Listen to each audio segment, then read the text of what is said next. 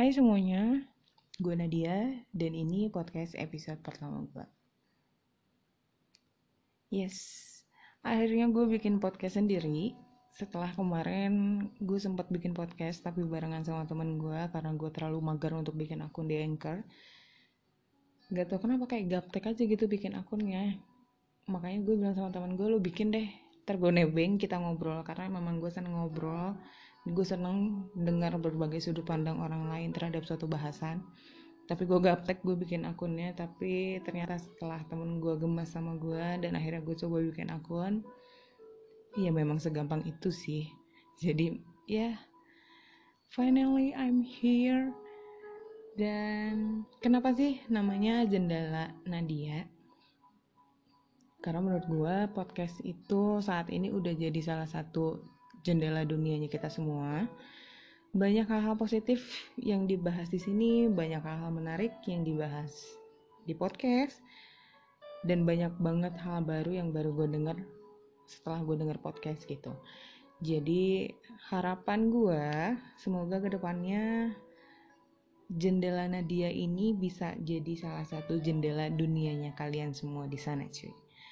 Oke, untuk yang pertama di episode yang ini gue akan bahas tentang pernikahan. Apa sih yang kalian pikirin ketika kalian dengar kata pernikahan? Pengen gak sih? Atau mungkin kalian gak percaya tentang apaan sih nikah gitu maksudnya kan? Dulu nih ya, zaman gue kuliah, gue inget banget ketika gue dan temen-temen gue sibuk dan mulai puyeng sama yang namanya praktikum lah tugas kuliah lah skripsi bahkan gitu. Gak jarang teman gue tuh yang akhirnya ngomong kayak aduh ya Allah gue pusing banget nih gue pengen nikah aja biar hidup gue tenang damai tentram sentosa bahagia. Nggak mikirin yang kayak gini-gini. Pernah nggak sih kalian dengar teman kalian ngomong kayak gitu? Dulu gue sering banget dengar temen gue ngomong kayak gitu sih dan mungkin kalian yang sekarang sudah menikah, apakah benar sedamai dan setentram itu? Mungkin buat kalian yang pengen nikah, pasti kalian udah membayangkan nih, gue harus punya pasangan yang kayak gimana, gue harus menikah dengan acara yang seperti apa, ya gak sih? Nah, buat kalian yang sekarang masih dalam proses mencari pasangan, kalian tipikal yang mana sih? Kalian itu tipikal yang memang harus pacaran lama dulu atau kalian tipikal yang ah gue mah nyantai lah sama siapa aja penting gue nikah gitu gak sih kalau menurut gue nih ya buat kalian yang memang tipikalnya harus banget pacaran lama gitu. Sebenarnya itu ada hal positif dan ada hal negatifnya juga sih. Kayak misalkan hal positifnya yang gue pahami karena gue juga mungkin tipikal yang seperti itu ya. Gue tipikal yang gue harus kenal orang dulu secara dalam biar gue tahu dia orang yang seperti apa gitu. Ya mungkin caranya ya dengan lo pacaran lama gitu.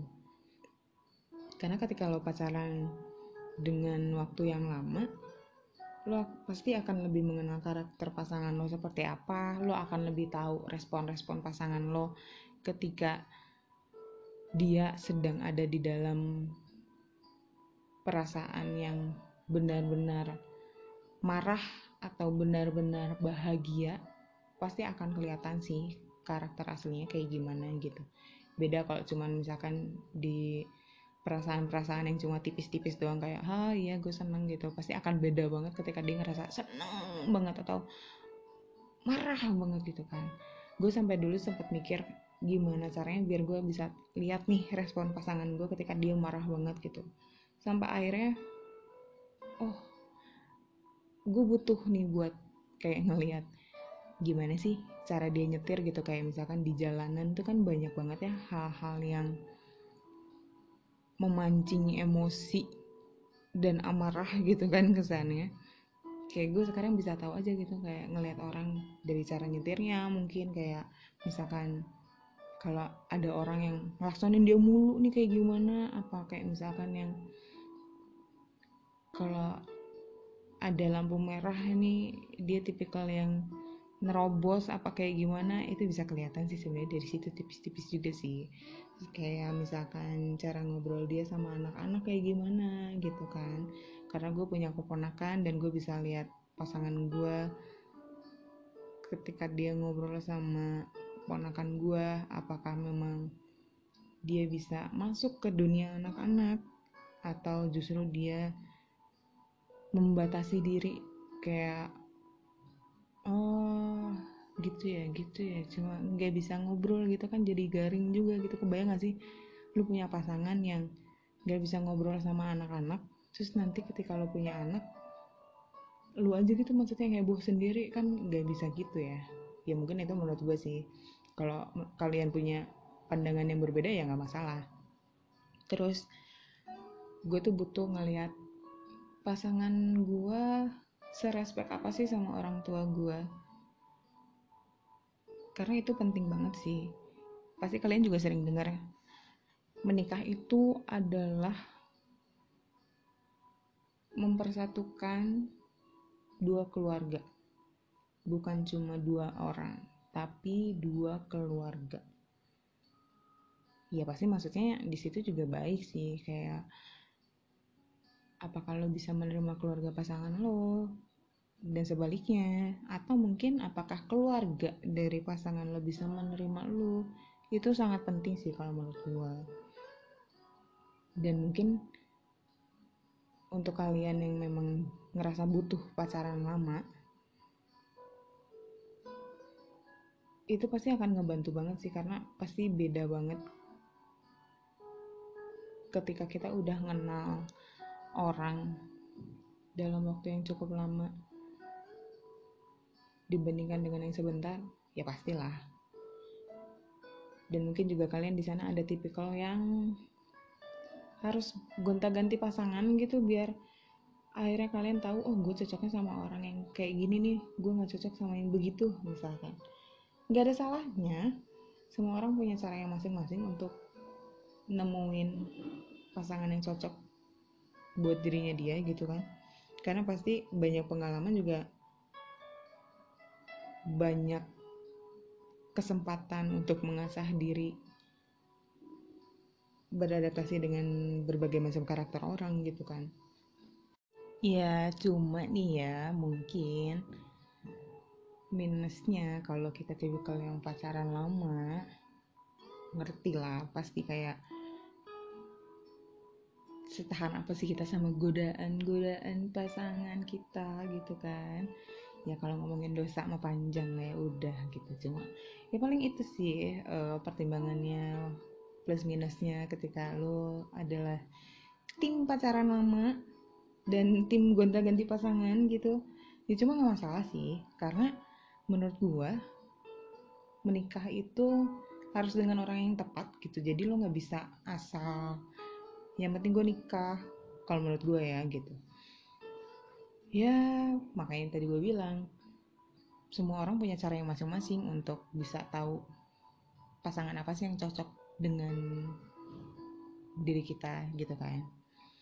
Atau mungkin yang sekarang lagi apa ya mungkin bukan lagi hit juga sih sedang marak di apa ya lagi banyak orang lakuin lah gitu ta'aruf nih. Berani nggak kalian untuk jadi tim ta'aruf? Jadi nggak butuh pengenalan yang cukup lama tapi ketika ada yang ngajak lo yuk nikah.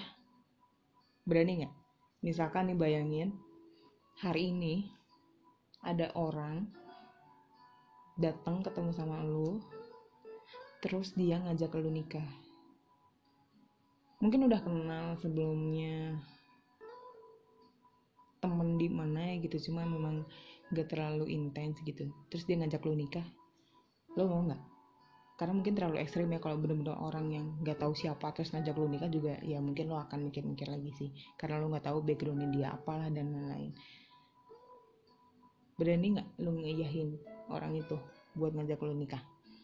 Ya mungkin memang taruh juga tidak sesimpel itu sih karena ada prosesnya juga gitu kan. Ada proses yang uh, kirim CV dulu lah gitu kan. Ada biodata biodata dirinya visi misi hidupnya seperti apa gitu ketika nanti dia akan mengajak lu menikah apa yang akan dia berikan. Nah kayak ngelamar kerja lah gitu kayak lu kirim CV dulu terus akhirnya lu screening dari CV kalau misalkan lu cocok sesuai dengan apa yang lo mau baru mungkin lo akan diadakan waktu untuk pertemuan dengan perwakilan-perwakilan dari kedua belah pihak gitu kan nggak boleh berdua. Di situ baru ketemu baru mungkin ngobrol dan ketika misalkan cocok lagi akhirnya si cowok ini mengajak lu untuk taaruf? Udah nih nggak? Nggak tau kenapa kalau ya mungkin gue belum ada di jalur yang itu sih ya. Karena balik lagi gitu gue tipikal orang yang gue harus merasa gue ngenalin orang itu secara dalam biar gue tahu toleransi gue terhadap segala kelebihan dan kekurangan orang itu kayak gimana gitu dan ya cuma positifnya ketika lo ada di jalur yang yaudah gue taaruf aja deh gitu. Gue taaruf terus nikah gitu kan. Ya pasti lu nggak akan buang-buang waktu sih. Lu nggak akan buang-buang waktu lu juga mungkin terhindar dari yang namanya dosa-dosa orang pacaran gitu kan. Terus ya itu sih lu nggak buang waktu pacaran lama-lama terus akhirnya kagak jadi nikah juga putus juga gitu.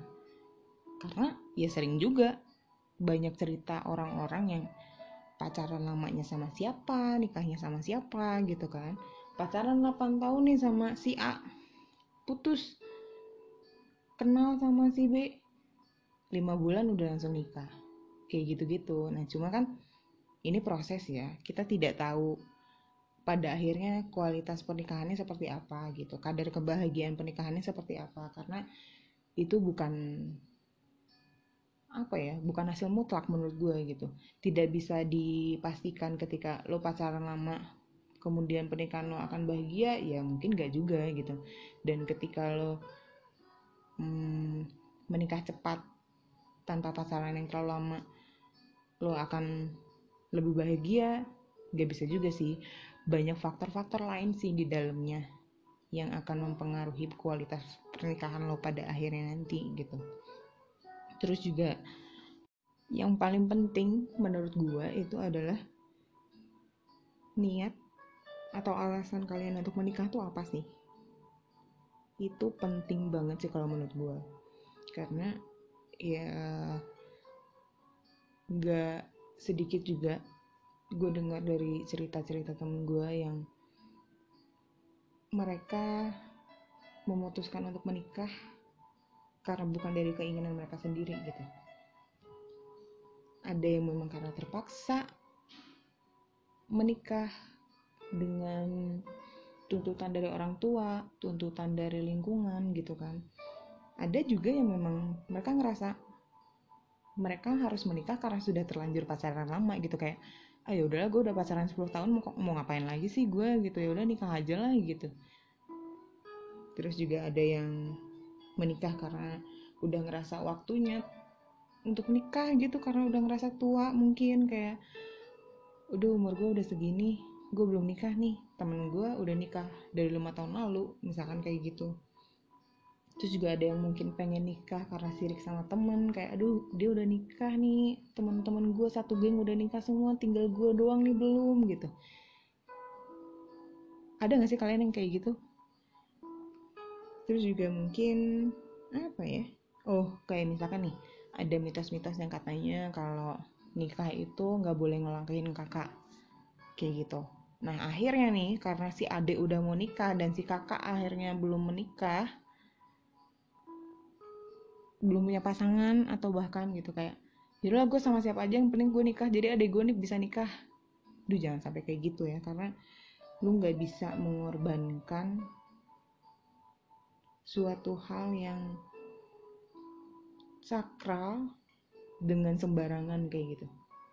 Jangan sampai sih lu nikah dengan sembarang orang yang lu nggak tahu siapa karakternya kayak gimana gitu hanya untuk memuaskan lidah orang lain tuh jangan sampai sih.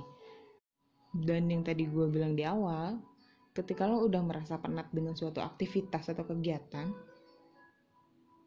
menikah itu tidak jadi solusi akhir dari segala masalah lo sih. Jadi nggak kayak tadi gitu maksudnya kayak ketika lo udah capek skripsi terus akhirnya kayak aduh ya udah gue pengen nikah aja deh gue nggak mau nih kayak gini gini mikirin kayak gini gini capek apa segala macam gue pengen nikah aja gue pengen hidup damai. Nggak juga sih. Karena menikah itu sebenarnya ya menikah itu bukan akhir dari segalanya sih kayak gue pengen bahagia gue nikah enggak sih. Karena ketika lo mencari kebahagiaan sebenarnya banyak caranya sih. Banyak cara untuk lo mendapatkan kebahagiaan dari hal-hal kecil sih dari lo mensyukuri apa yang lo miliki dari lo mensyukuri lo masih punya orang tua karena di luar sana juga banyak teman-teman kita yang orang tuanya udah nggak ada dan bahkan mereka hidup sendiri tapi tapi mereka masih bisa bahagia gitu. Dan makanya kenapa tadi gue bilang niat dan alasan menikah itu sangat penting karena ketika kalian menikah dengan rasa saling yakin dan siap terima segala risiko yang akan kalian hadapi ketika menikah nanti dari A sampai Z itu akan meminimalisir konflik-konflik yang nantinya akan kalian hadapi sih sebenarnya. Jadi kayak misalkan hal-hal terburuk nih, anggaplah amit-amit gitu misalkan ya. Ketika ternyata nantinya pasangan kalian tidak bisa memberikan kalian keturunan, siap nggak kalian untuk menghadapi itu?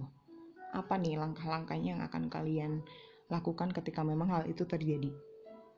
Ada nggak solusinya gitu? Ketika misalkan kalian merasa sanggup untuk menghadapi itu, oke. Okay. Berarti memang kalian sudah saling matang, kalian sudah saling dewasa untuk menghadapi suatu hambatan yang kalian terima nanti di pernikahan. Terus nih, kalau misalkan ketika kalian bosan nanti, karena ya pacaran aja tuh mungkin kalian akan ada rasa bosan gitu kan. Ketika nanti sudah menikah, mungkin kalian ada rasa-rasa bosan atau seperti apa apa sih yang akan kalian lakukan supaya nanti tuh ya kalian gak bosan lagi gitu jadi apa pun hambatannya apa pun resikonya ketika semuanya balik lagi ke kalian sendiri ke, ke pasangan itu sendiri itu hal yang baik sih. Jadi kayak misalkan kalian bosan nih. Terus akhirnya karena rasa bosan itu lo jadi ngajak pasangan lo untuk ngelakuin hal baru yang belum pernah kalian lakuin gitu. Nah itu kan hal yang positif ya. Jadi selalu melibatkan pasangan lo terhadap apa pun yang lo alamin selalu melibatkan pasangan lo atas segala hal yang ingin kalian jalani itu hal yang baik sih. Untuk kematangan pernikahan lo nantinya. Dan apalagi ketika kalian sudah paham betul karakter pasangan kalian seperti apa pasti itu akan sangat membantu ketika nanti kalian menghadapi suatu masalah atau mungkin suatu perbedaan pendapat mungkin pasti akan lebih tahu gimana caranya supaya apa yang lo sampaikan bisa diterima dengan baik gitu lo pernah dengar nggak ada uh, yang namanya bahasa cinta gue lupa lagi isinya apa cuma di situ kayak lo dan pasangan lo itu pasti akan punya love language-nya masing-masing. Apakah dari sentuhan kah? Apakah dari cara kalian memberikan hadiah atau dengan cara uh, surfing atau maksudnya melayani kayak uh, melayani kayak lo mem, apa ya menyiapkan segala kebutuhannya dia gitu. Kayak tipikal yang uh, dari minum sampai makan dan lain-lain apa segala macam kayak gitu-gitu.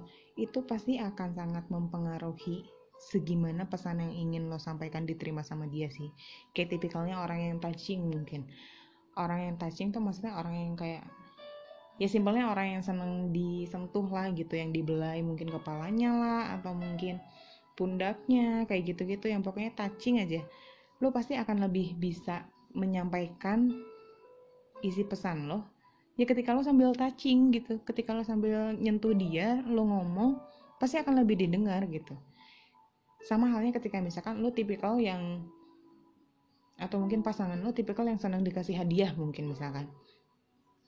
Itu juga pasti akan mempengaruhi sih kayak misalkan lo ingin menyampaikan sesuatu gitu sambil lo kasih hadiah itu pasti akan lebih didengar sih ya. Cuma mungkin effortnya harus agak besar ya untuk hal-hal yang seperti itu gitu. Karena mungkin kalau gue sendiri tipikal yang gak terlalu seneng dikasih hadiah melulu gitu. Maksudnya kayak gue lebih seneng dikasih hadiah pada momen-momen tertentu dan gue lebih seneng sebenarnya ngelihat suatu hadiah itu dari kualitas proses akhirnya si pasangan gue ini apa ya intinya gue seneng hadiah yang dia bikin sendiri deh seenggaknya gitu effortnya. Jadi bukan masalah harga sih kalau gue kayak gitu gitulah dan ada satu lagi tuh tipikalnya apa ya touching hadiah surfing terus apa ya pokoknya ada nanti lo cari di web love language. Nah, nanti di situ juga ada kuesionernya. Lo bisa tahu lo tipe kalian seperti apa dan lo juga bisa tahu pasangan lo tipe kalian seperti apa. Dan itu pasti akan mempermudah cara komunikasi kalian berdua sih.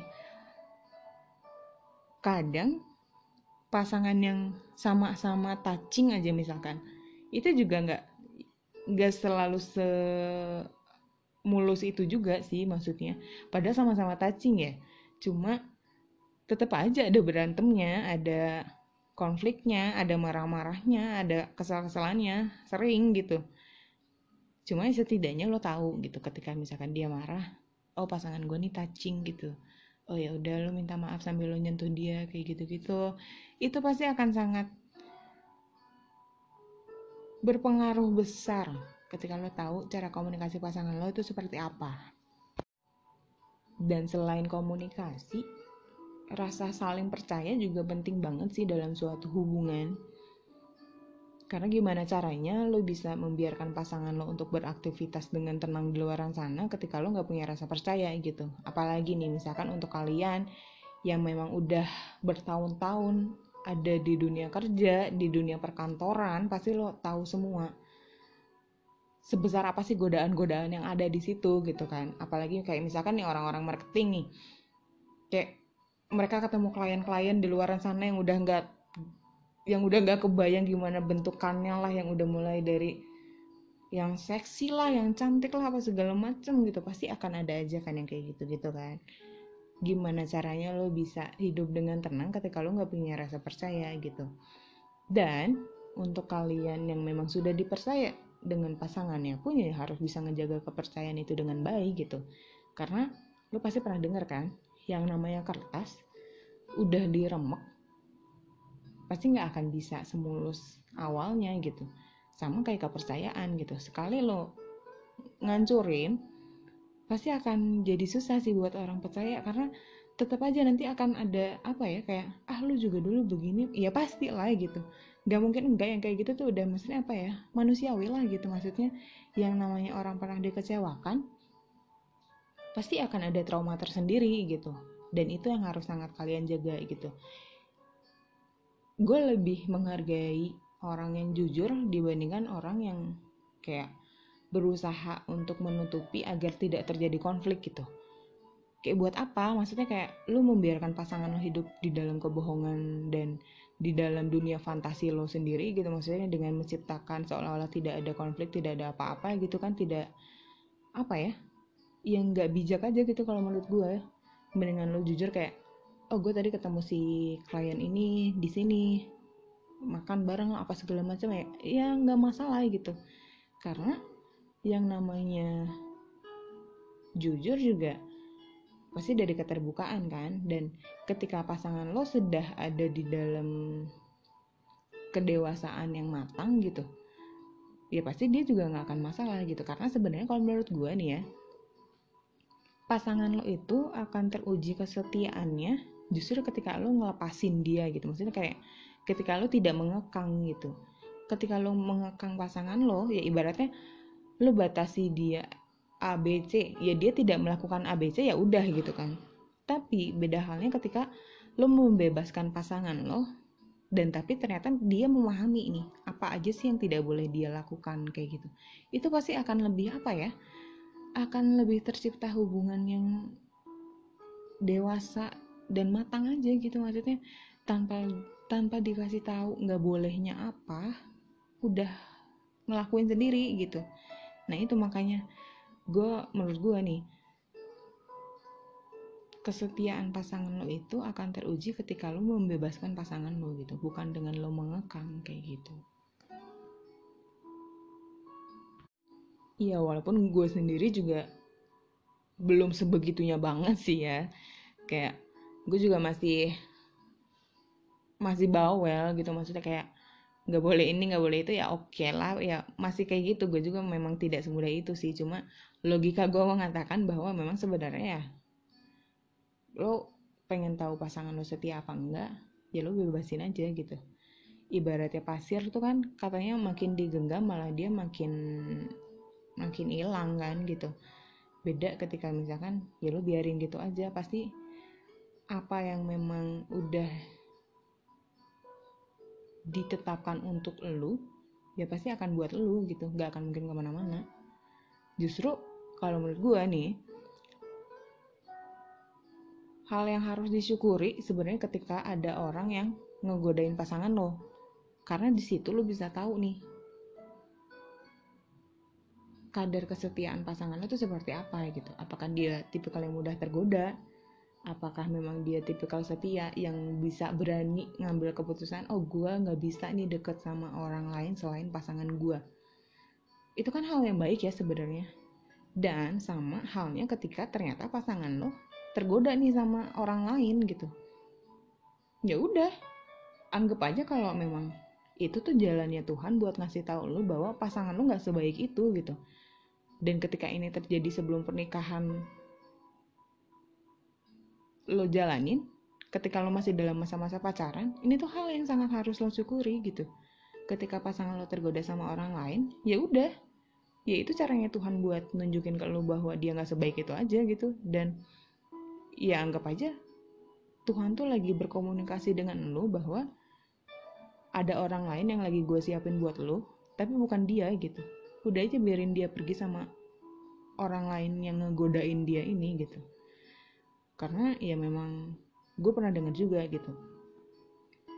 Gimana caranya lo didapatkan akan sama dengan gimana caranya lo dibuang. Kasarnya kayak gitulah. Ya walaupun tidak tidak mutlak seperti itu ya. Cuma itu hal-hal yang bisa masuk ke logika gue gitu. Kayak misalkan orang yang ngedapetin lo dengan cara ngerebut lo dari orang lain ya bisa jadi dia pun nanti seperti itu gitu karena kualitas dia terhadap komitmen ya hanya segitu. Orang yang paham tentang komitmen nih pasti nggak akan mulai apa ya gak akan main api lah gitu. Orang yang sadar komitmen itu pasti tidak akan ngeganggu orang lain yang sudah berkomitmen dengan orang lain kan. Ya begitulah. Dan salah satu kunci lagi nih ketika lo ingin memiliki pernikahan yang baik jangan berekspektasi ketinggian.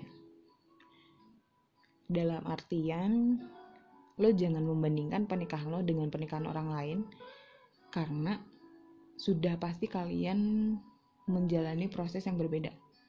Kayak ibaratnya gini deh uh, suka ada nih orang yang pengen aduh gue pengen punya suami kayak Pak Habibie misalkan kayak gitu yang gue yakini Pak Habibie bisa seperti itu pun ya karena peran istrinya gitu dia bisa sehebat itu karena kontribusi dari istrinya. Jadi maksudnya, ketika lo pengen pasangan lo seperti Habibi, ya lo harus bisa seperti Ainun gitu.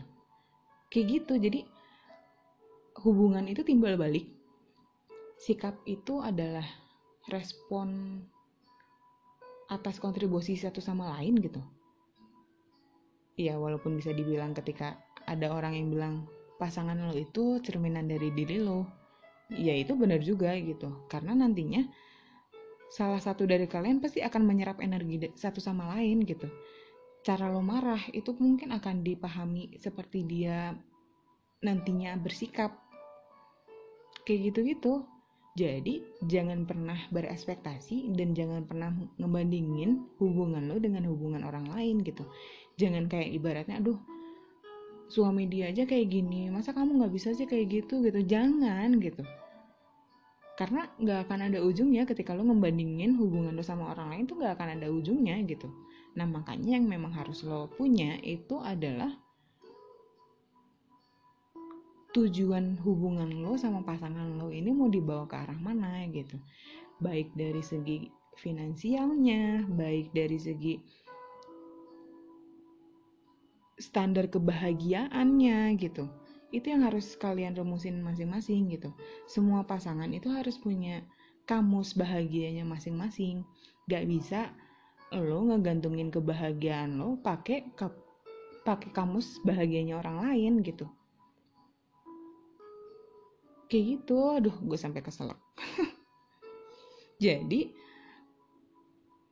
ya gimana caranya kita bisa bahagia dengan ngebandingin bahagia kita sama orang lain pasti nggak akan ada ujungnya sih kalau menurut gue karena yang namanya bahagia itu kan kita ciptain sendiri ya. Itu sih yang harus dikomunikasiin sama pasangan lo. Dan gak jarang akhirnya orang-orang yang akhirnya memutuskan untuk berpisah dari suatu pernikahan iya yang tadi di awal gue ceritain gitu. Yang memang mereka menikah karena terpaksa. Yang memang mereka menikah hanya karena terlanjur merasa harus menikah. Karena mereka sudah pacaran lama gitu. Pondasinya tuh jadi nggak kuat gitu. Tidak ada kata saling akhirnya ketika mereka menikah. Saat yang satunya sedang berkonflik yang satunya tidak menginginkan untuk terlibat dalam konflik itu gitu. Akhirnya kayak masing-masing jalannya gitu. Nah makanya mungkin buat kalian di luar sana yang bisa gue sampaikan ini pernikahan itu sebenarnya awal dari segalanya gitu. Jangan menggantungkan ekspektasi standar kebahagiaan pernikahan dari film-film, dari drama-drama Korea, dan dari pasangan-pasangan lain juga gitu jangan lo pikir pernikahan itu adalah kebahagiaan tanpa beban gak juga gitu. Karena kenapa sih menikah itu jadi ibadah terpanjang dalam agama kita gitu kan yang dibahas? Ya karena memang itu selalu ada hal baru yang dipelajari dalam setiap harinya dengan pasangan lo nantinya. Dan apa ya? Menikah itu tidak hanya melulu tentang bahagia gitu. Ada masanya nanti lu berdua nih ya sama-sama kayak milih tuh beras mana sih yang paling murah gitu ibaratnya kan kayak sabun mana sih yang isi botolnya lebih banyak kayak gitu-gitu gitu.